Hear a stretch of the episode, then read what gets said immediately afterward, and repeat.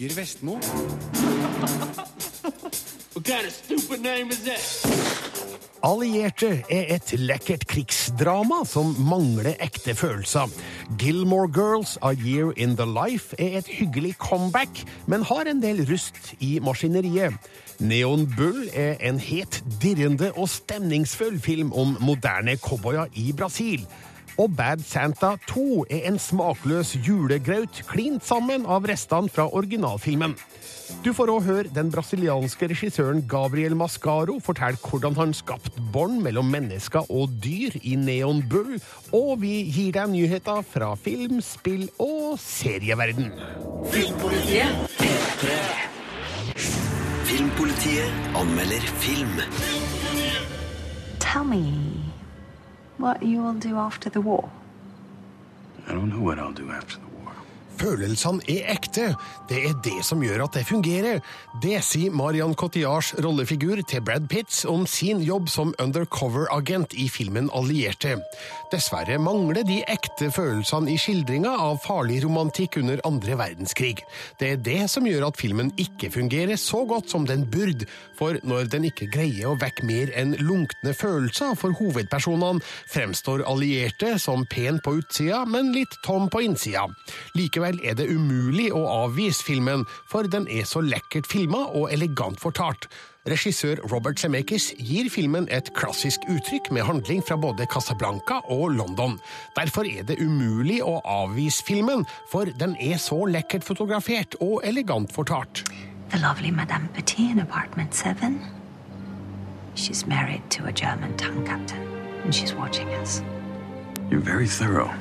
Under et farlig oppdrag i Casablanca i 1942 møter den canadiske offiseren Max Vatan, spilt av Brad Pitt, den franske agenten Marianne Bøssejour, spilt av Marion Cotillard. De forelsker seg, flytter til London, gifter seg og får barn. Et år senere sprekker idyllen når Max får vite at britisk etterretning sår tvil omkring Mariannes identitet. Dette kan få store konsekvenser for dem begge, og han begynner å undersøke saken sjøl i all hemmelighet. My wife is not a spy. If she is, we need to keep her in place for 72 hours. Det er åpenbart at regissør Semekis har hatt som ambisjon å lage et storslått romantisk krigsdrama, slik Hollywood gjorde i gamle dager, og rent utseendemessig har han så absolutt klart det.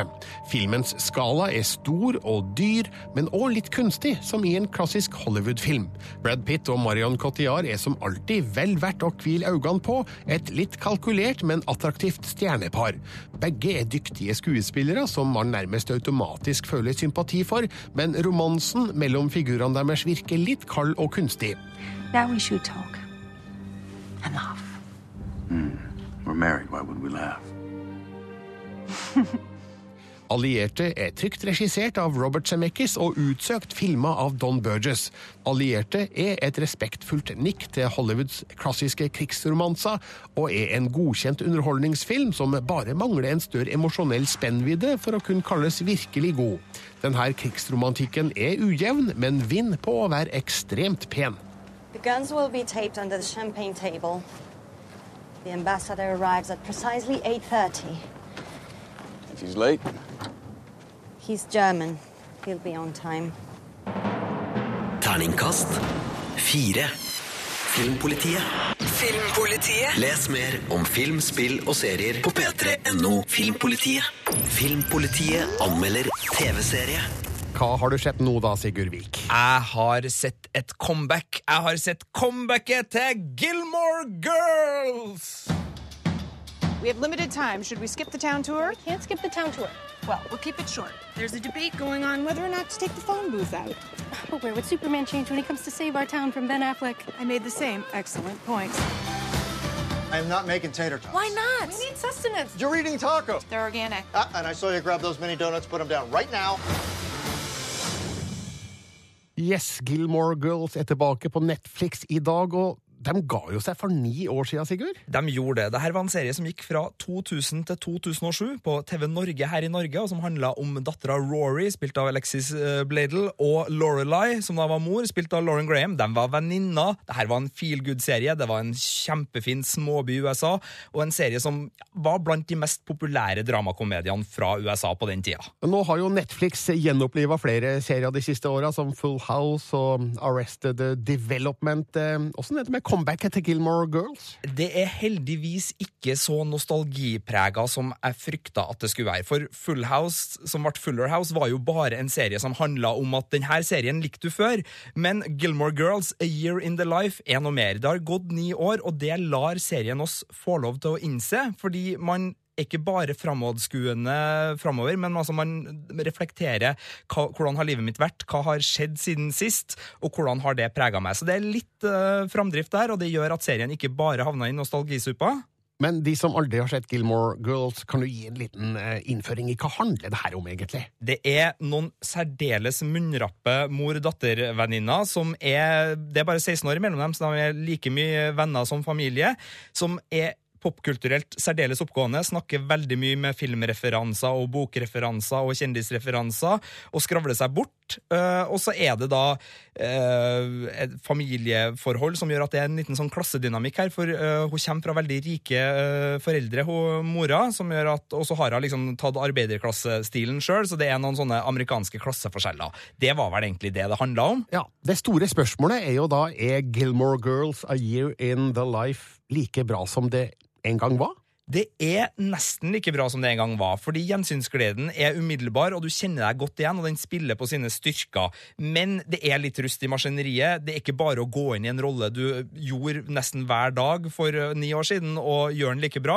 Og spesielt da uh, Alexis uh, Nei, Lauren Graham, som spiller mor her, er litt rusten i sin rolle. Jeg savner også Melissa McCarthy. Dette var jo en serie som breaka Melissa McCarthy som komiker. Det er mulig hun dukker opp på slutten. Jeg har bare sett halvparten av episodene så langt, men det er noen sånne savn. Og også han som spiller Luke, er litt uh, sånn sitcom-klein av og til. Men bortsett fra litt uh, støv i maskineriet, eller rust i maskineriet, så er det veldig koselig å være tilbake i Stars Hollow. Så hvis det her var en serie du likte, hvis du likte å skrive sånne pros and cons-lister, for dem som tok den referansen, da kommer du til å kose deg på Netflix i helga, altså. Hele den ferske sesongen med Gilmore Girls A Year in the Life, pluss alle sesongene av originalserien, er altså da ut på Netflix nå. Terningkast fire. Filmpolitiet! På P3. Nå kan du se Star Trek Beyond fra sofakroken, enten du ser den på Blu-ray eller DVD, eller om du strømmer den digitalt. Men eh, bør du? Her er dommen. Filmpolitiet anmelder film.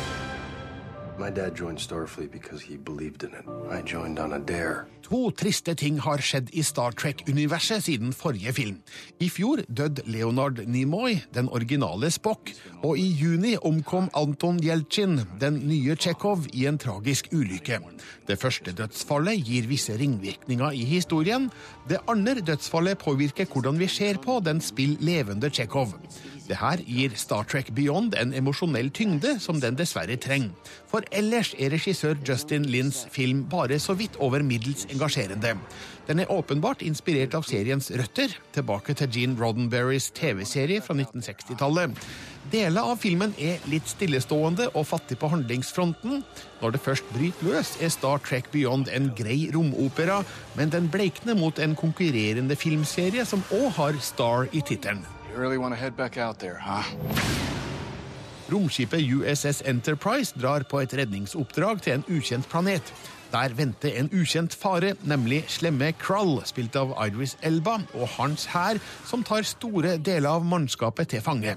Kaptein Jim Kirk, spilt av Chris Pine, Spock, spilt av Zachary Quinto, Chekhov, spilt av Anton Jeltsin, Scotty, spilt av Simon Pegg, og McCoy, spilt av Carl Urban, er blant dem som unnslipper. De må kjempe for å redde mannskapet sitt, komme seg vekk fra planeten og stoppe Kralls skumle planer. Our captain will come for us. Mercy will be the last thing on his mind. I am counting on it. En skurk spilt av Idris Elba er sjølsagt interessant å se på, sjøl om figuren hans virker litt business as usual når linjene mellom det gode og det onde trekkes opp. Krull fremstår nemlig som en ganske standard romskurk. Star Trek-figurer som beveger seg rundt i et steinat landskap på en ukjent planet, er òg en gjenganger fra mange Star Trek-historier. Det er på mange måter prisverdig at manuset, signert Simon Pegg og Doug Young, er tro mot seriens røtter, men jeg har likevel en sterk følelse av å ha sett det her før, når jeg heller ønsker å oppleve noe nytt. It isn't uncommon, you know. It's easy to get lost Star Trek Beyond har en underliggende historie der både Kirk og Spock av ulike årsaker er usikre på sin fremtid i stjerneflåten, samtidig som det òg stilles interessante spørsmål rundt Krulls bakgrunn. Men det her utdypes ikke mer enn bare så vidt, slik at det blir rom for mer action og mindre utvikling av persongalleriet. Man kan ikke klage på underholdningsverdien i Star Trek Beyond, for den er der, men det helhetlige inntrykket av filmen er likevel ikke helt på topp. Den kunne vært vær, men burde vært mer. Hold on to something! Terningkast fire. Dette er Filmpolitiet Filmpolitiet på P3. Frista til å si ho, hei, Sigurd Vik. Hei ho, Birger Vestmo. Du, I går breika NRK Drama-nyheten om sin eh, kommende produksjon Hjemmebane. Ja, og som tittelen eh, insinuerer, så er det da snakk om en fotballserie. Det er Ane Dahl Torp som skal spille den første kvinnelige treneren for et toppserielag i Eliteserien i Norge.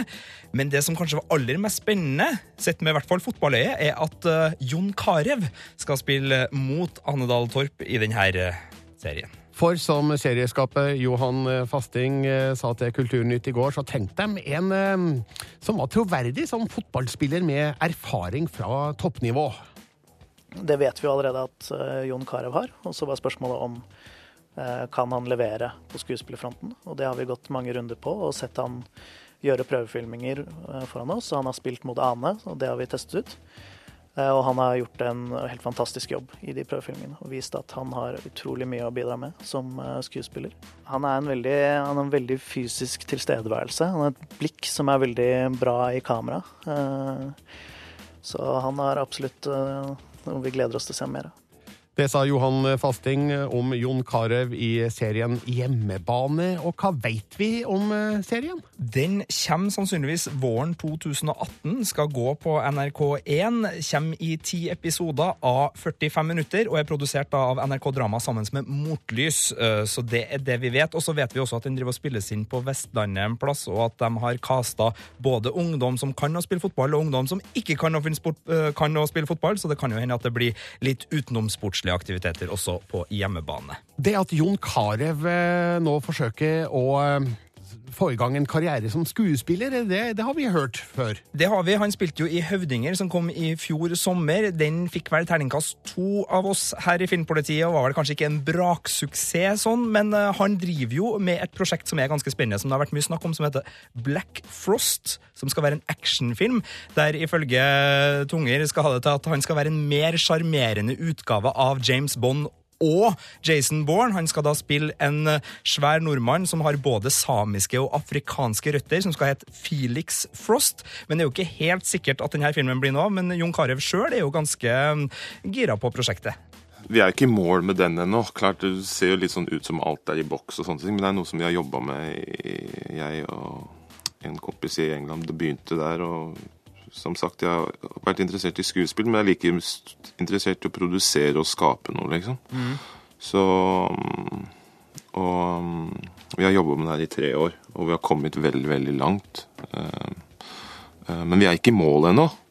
Men eh, klart det har blitt litt skriverier, og vi har vært i Cannes og det ene og det andre. Og, og jeg har valgt å fortelle litt om prosjektet vårt underveis her, liksom. Mm. Eh, men det er fortsatt eh, litt eh, jobb igjen å gjøre, men det ser veldig lyst ut og vel, fått veldig mye bra folk om bord. Og vi jobber med veldig bra folk i både USA og England og sånne ting. Så, men et filmprosjekt, det tar tid, og alle bitene skal falle på plass før vi liksom er i mål. Og Vi er ikke i mål ennå, så Men det ser, det, ser, det ser lovende ut. Så får vi se.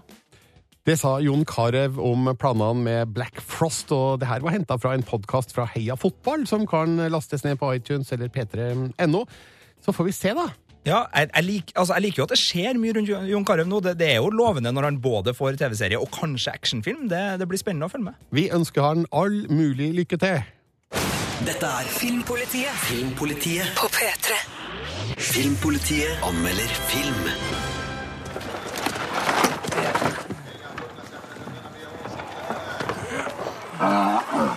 Den brasilianske filmen Neon Bull gir et hett, dirrende og stemningsfullt bilde av livet til omreisende cowboyer på landsbygda.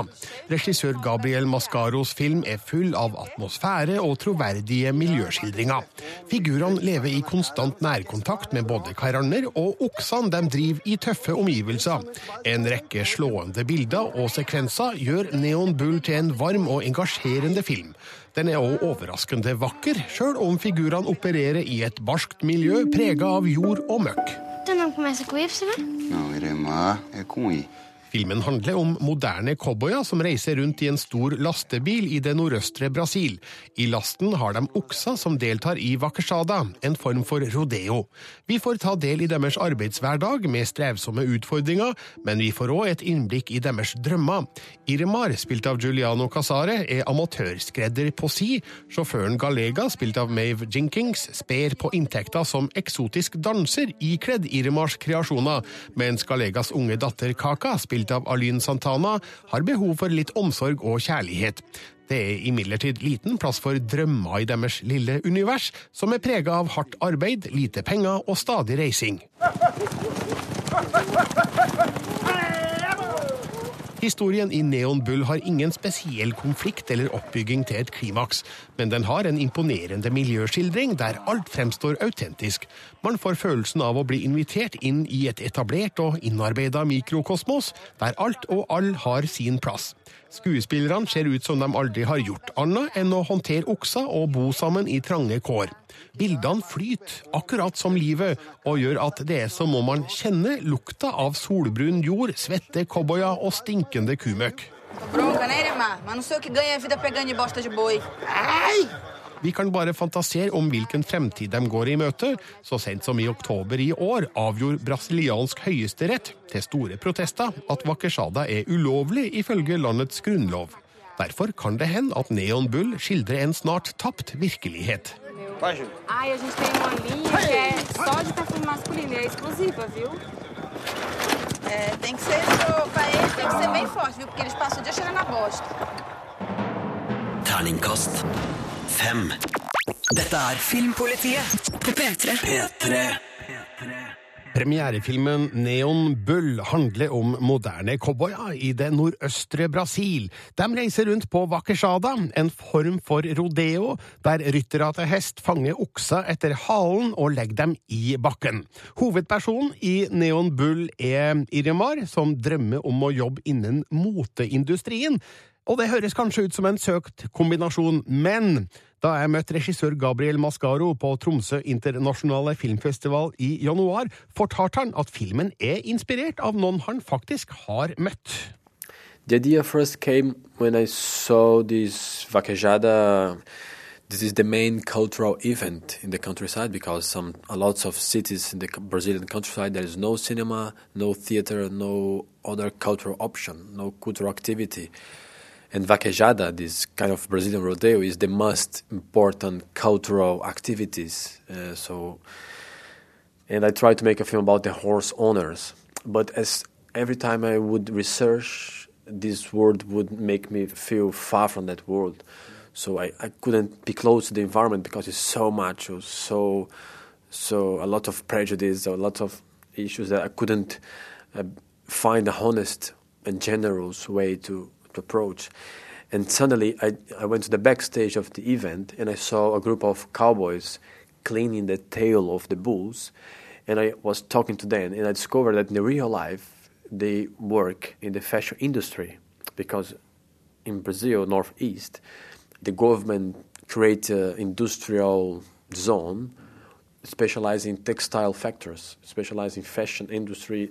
And then I met this character and I became very curious about the, the ritual experience between cleaning the bull's tail and then in the seat in the sewing machine, working the fashion design industry.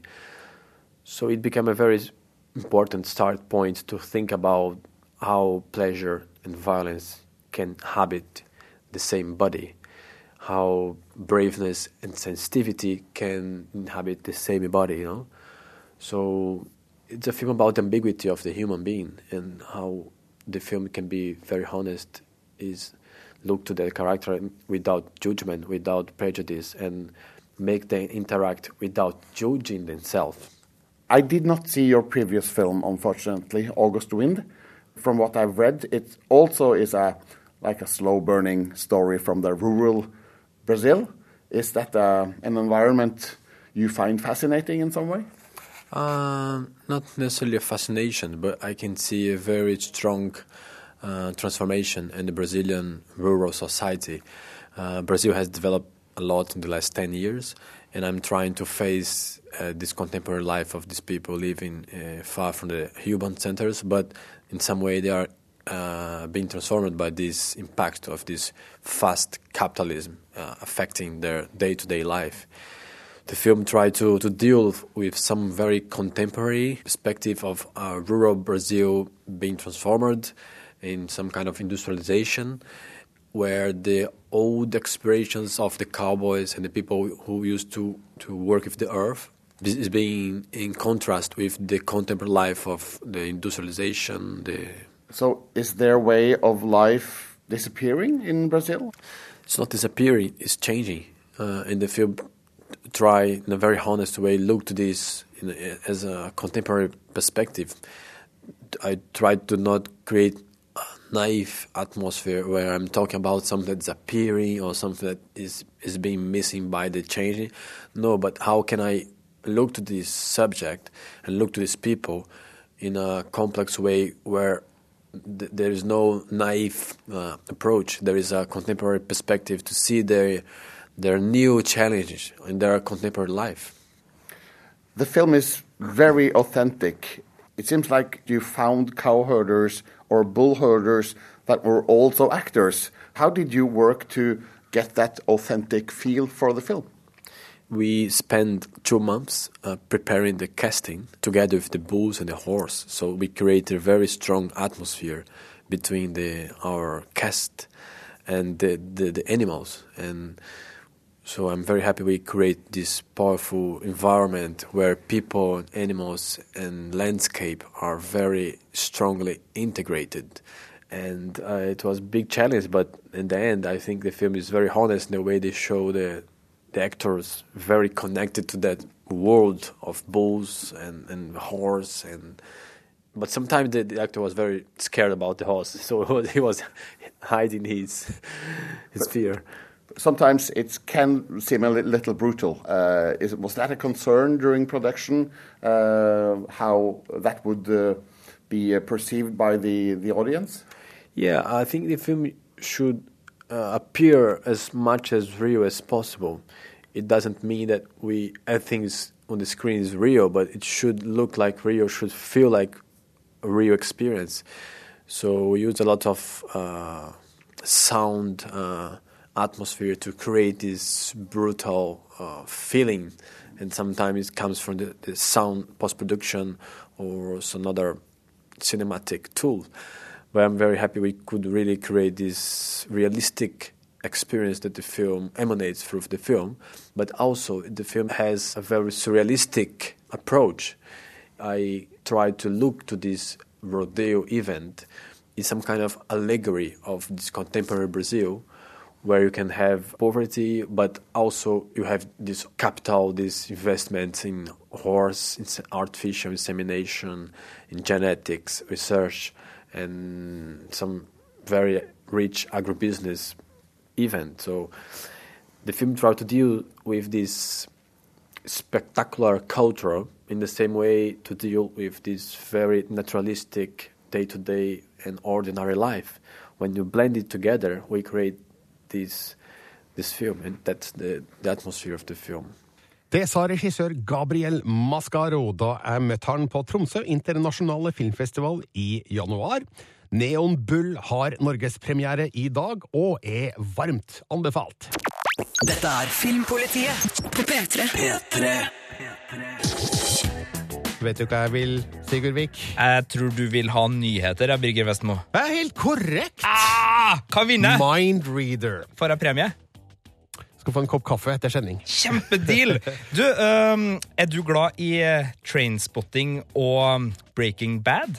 Ja, selvfølgelig! Ja, Da har jeg en eh, liten gladnyhet til deg. For okay. i et intervju med magasinet Rushprint som kom i går, så er det sånn at dagskaperne Øystein Karlsen og Kristoffer Schou driver og jobber med en ny serie. Det er TV3 og Viaplay som har bestilt en pilot, får vi høre. Og Karlsen sier da til Rushprint at den serien er på vei et sted mellom Breaking Bad og Trainspotting. Kan det umulig være et, eh, et eh, dårlig sted å være? Nei, for det her er jo Dag-gjengen, og Dag var artig, syns jeg. Og de eh, skal nå lage en serie om et sykkelbudfirma som leverer kvalitetsdop. Eh, I hvert fall piloten eh, der. Litt som High Maintenance, den amerikanske serien som handler om en sånn pot delivery guy som sykler rundt i New York, men det her skal da være litt mørkere, ser det ut som.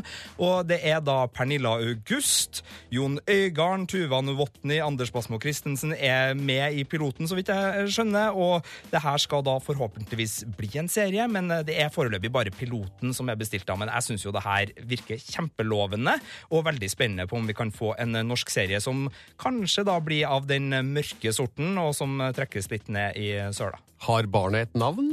Uh, The Green Jersey er tittelen, uh, og da er det visst ledertrøya fra sykkelverden det henspilles på.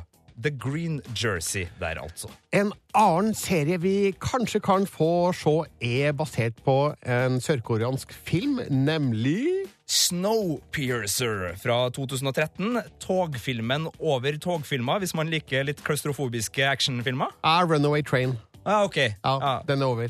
Ok, Men- en, en moderne variant. Men uh, i hvert fall, igjen da, eh, pilotbestilling er gjort på en serie som skal være Snowpiercer, og du kan jo kjapt eh, ta premissene for Snowpiercer. Ja, altså, det er jo en sci-fi-lignende serie og på et tog som er på vei gjennom et landskap prega av apokalypsen. Ja, det er vel sånn at i, en, uh, i et forsøk på å redde verden fra global oppvarming, så fucker man opp alt, og verden blir dekt av is, og den eneste sivilisasjonen som funker, er da på et tog som går kloden rundt.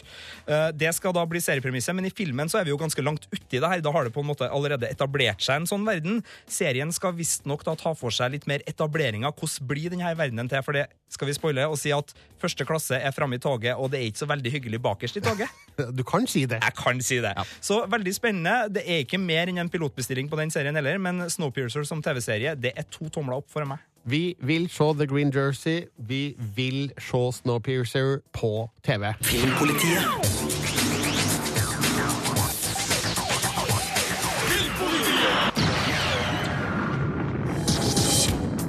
Mens folk flest er opptatt av fredag og helg, så er vi, Sigurd Vik, opptatt av 2018. Vi ser mot framtida. Det er jo der all gleden kommer til å komme. Og Peter Jackson har jo nå kommet med et skikkelig gladbudskap, har han det? Ja, det har han. Det gjelder en ny film som han ikke skal regissere, men som han har skrevet manus til sammen med Fran Walsh og Philippa Boyens. Et, eh, et godt trespann. Ja, og eh, det er da snakk om eh, Mortal Engines, en sci-fi-film som skal komme da til jula 2018, får vi vite nå. Jeg blir veldig, veldig glad fordi en av tingene i denne sci-fi-verdenen, som da er litt sånn postapokalyptisk, er at den handler om byer som går på motorer, og som jeg vidt kan forstå, kan flytte seg og konsumere andre byer. Ja. I hvert fall konsumere eh, andre byers ressurser. Vi Ja. vet ikke helt hvordan det her skal foregå, for vi har ikke lest boka som eh, manuset er basert på. Nei, for det her er jo ei bok som er første bok i en bokserie. Boka heter Mortal Engines, skrevet av Philip Reeve, kom ut i 2002. Så hvis det her går bra, så er det jo mulig at Peter Jackson nok en gang går for filmserier.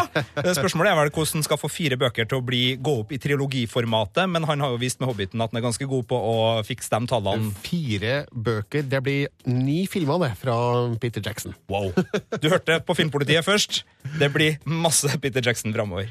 Får vi inn noe Star Wars-prat i dag, da, mon tro? Og siden du spør, så skal jeg klare å hoste opp siste nytt fra Star Wars-universet. Nå er det jo sånn at det kommer en Han Solo-film. Den kommer også i 2018, heldigvis et halvår før, så den kommer i mai 2018. Og nå har Kathleen Kennedy, head honcho på Lucasfilm, kommet med noen avsløringer. Hun sier at uh, det her kommer ikke til å ha samme tonen og feelingen som sagafilmene, altså sånn som The Force Awakens og de seks uh, tidligere. Det her kommer til å ha en mer heist slash western-vib over seg. Han Solo, western, heist, Ja. Chewbacca, Jabba the Hutt Du, du finner ikke noe negativt eh, med det her i det hele tatt? Nei, vet du hva, det her synes jeg høres ut som en god idé. Nå er det jo sånn at uh, de her antologifilmene som de heter, altså standalone-filmene som Rogue uh, uh, Rogue One.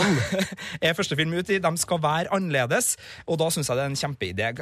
Ser du noe galt med at det blir en westernfil på en Han Solo-film? Ehm, jeg greier ikke å se noe negativt i det, jeg heller. OK, eh, se for oss eh, noe ja, ja. ja, altså, det er bare at Blir det noe eh, romskip, liksom? Blir det noe eh, univers? Han er jo en smugler. Det er jo noen smuglerruter der ute, ikke da? Noen Kessel Runs som må tas. Vi vil gjerne se hvordan han tar Kessel Runs under eh, 12 parsecs. Ja, Det skal også da sies at det er uh, inspirasjonen her kommer fra Fredrik Remington, en maler som maler veldig mye sånn flotte landskap av cowboyer og indianere rundt århundreskiftet. Og da snakker vi det forrige århundreskiftet, så spennende greier. En liten siste nyhet på Star Wars, Birger. Det blir ikke rulletekst på den neste Rogue One-filmen. Nei vel? Det blir ikke A Long Long Time Ago på starten av filmen. Det sier også Kathleen Kennedy. Det blir forbeholdt sagafilmene. Takk skal du ha, Sigurd Vik. Filmpolitiet. Does that sound good to you? På P3. Filmpolitiet. På P3. I 2003 kom den grovkjefta og spritdynka julefilmen Bad Santa med Billy Bob Thornton i hovedrollen som småkriminell kjøpesenternisse. En film som ikke alle likte like godt, men som var et friskt pust i den ellers så familievennlige julefilmsjangeren. I år er den ekle nissen tilbake i oppfølgeren Bad Santa 2. Kollega Sigurd Vik har sett den. Filmpolitiet anmelder film.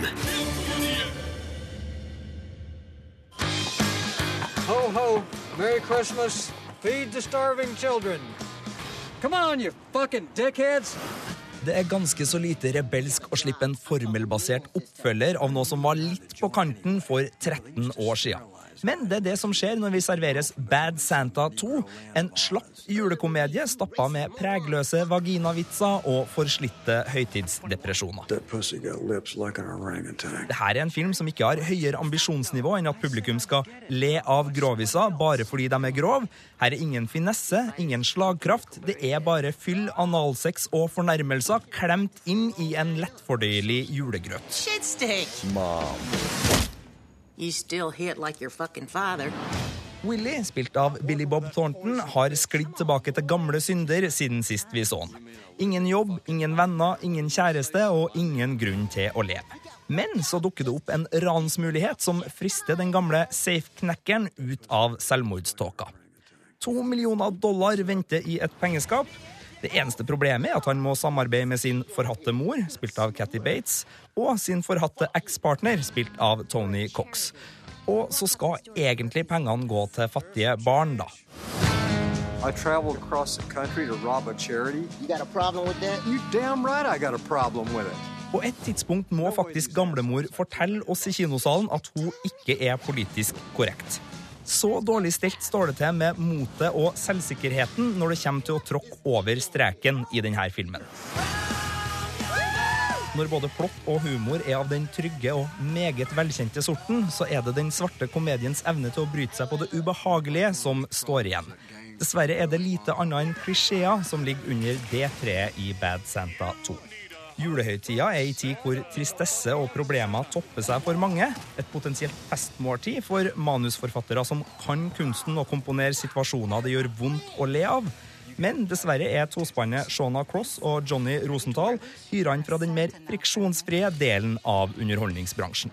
I am going to have to ask you to watch your language when you're representing. And I'm going to have to ask you to suck my fucking dick. Bad Santa 2 er omtrent like opprørsk og ektefølt som en ferdigslitt Nirvana-T-skjorte fra kjøpesenteret. Nostalgisk og så markedstilpassa at det blir flaut for originalen. Terningkast to. Filmpolitiet På P3. Suicide Squad er ute på Blu-ray, DVD og digitale strømmetjenester. Her er min anmeldelse fra da filmen hadde kinopremiere. I want to build a team of some very bad people who I think can do some good. Suicide Squad hadde et stort potensial. Filmen hadde all forutsetninger til å bli morsom, fengende og underholdende. I stedet har det blitt et overraskende kjedelig og humørløst effektfyrverkeri som forteller en lite engasjerende historie som mangler originalitet. Persongalleriet er lovende, men det er altfor stort. Actionscenene er stilige, men tomme for spenning. Suicide Squad har sine stunder, men fremstår mest av alt som en bortkasta mulighet. Come on, got some better too? Filmen tilhører tegneserieselskapet DC Comics sitt univers, der bl.a. Batman og Superman kommer fram. Nå trengs det nye krefter, og en representant for myndighetene, spilt av Viola Davis, rekrutterer en gruppe superskurker til hemmelige oppdrag i bytte mot reduserte straffer, bl.a. skarpskytteren Deadshot, spilt av Will Smith, og balltresvingende Harley Quinn, spilt av Margot Robbie. De holdes i tømmene av lagleder Rick Flagg, spilt av Joel Kinnaman, og når hele verden trues av eldgamle ånder, må Suicide Squad ta opp kampen ved hjelp av sine skurketriks. Don't forget, we're the bad guys. Regissør og manusforfatter David Ayer har full kontroll på det visuelle. Filmen er proft og tøft laga på all måte, slik man forventer at en storbudsjettfilm skal være. Dessverre er det likevel ikke særlig morsomt å se filmen. Handlinga er uinteressant, humoren fungerer ikke, og persongalleriet klikker ikke helt. Will Smiths Deadshot og Margot Robbies Harley Quinn er de beste figurene i denne gjengen, men deres egenskaper utnyttes ikke til fulle. Jeg savner Smiths vitsing fra hans glansdager, mens Robbies yppige Lolita-figur skulle fått lov til å være enda frekkere og galere. Hennes beste scene er med kjæresten Joker, stilig spilt av Jared Leto, som dessverre ikke får være med lenge nok til å markere seg skikkelig. Han får heller ikke være voldsom nok. Filmens lave aldersgrense, tolv år i Norge, merkes for godt. Det her persongalleriet, bestående av skruppelløse skurker, burde ha fått utfoldt seg innafor et tøffere og grovere rammeverk, slik Deadpool gjorde med stor suksess. I'm known to be quite vexing. I'm just forewarning you. You die. Suicide Squad er dessverre for ujevn. Den fungerer best når den tøyer aldersgrensa med noen saftige actionsekvenser, men greier ikke å hevde seg i en sjanger der vi har blitt bortskjemt med høydepunkter de siste årene, stort sett fra Marvel. Suicide Squad var en av filmene jeg gleda meg mest til i høst, og er ikke helt bortkasta som tanketom kinoføde, men det er ikke nok, og føles dermed som en skuffelse. Terningkast tre. Not good. Filmpolitiet. Filmpolitiet. Les mer om film, spill og serier på p3.no Filmpolitiet.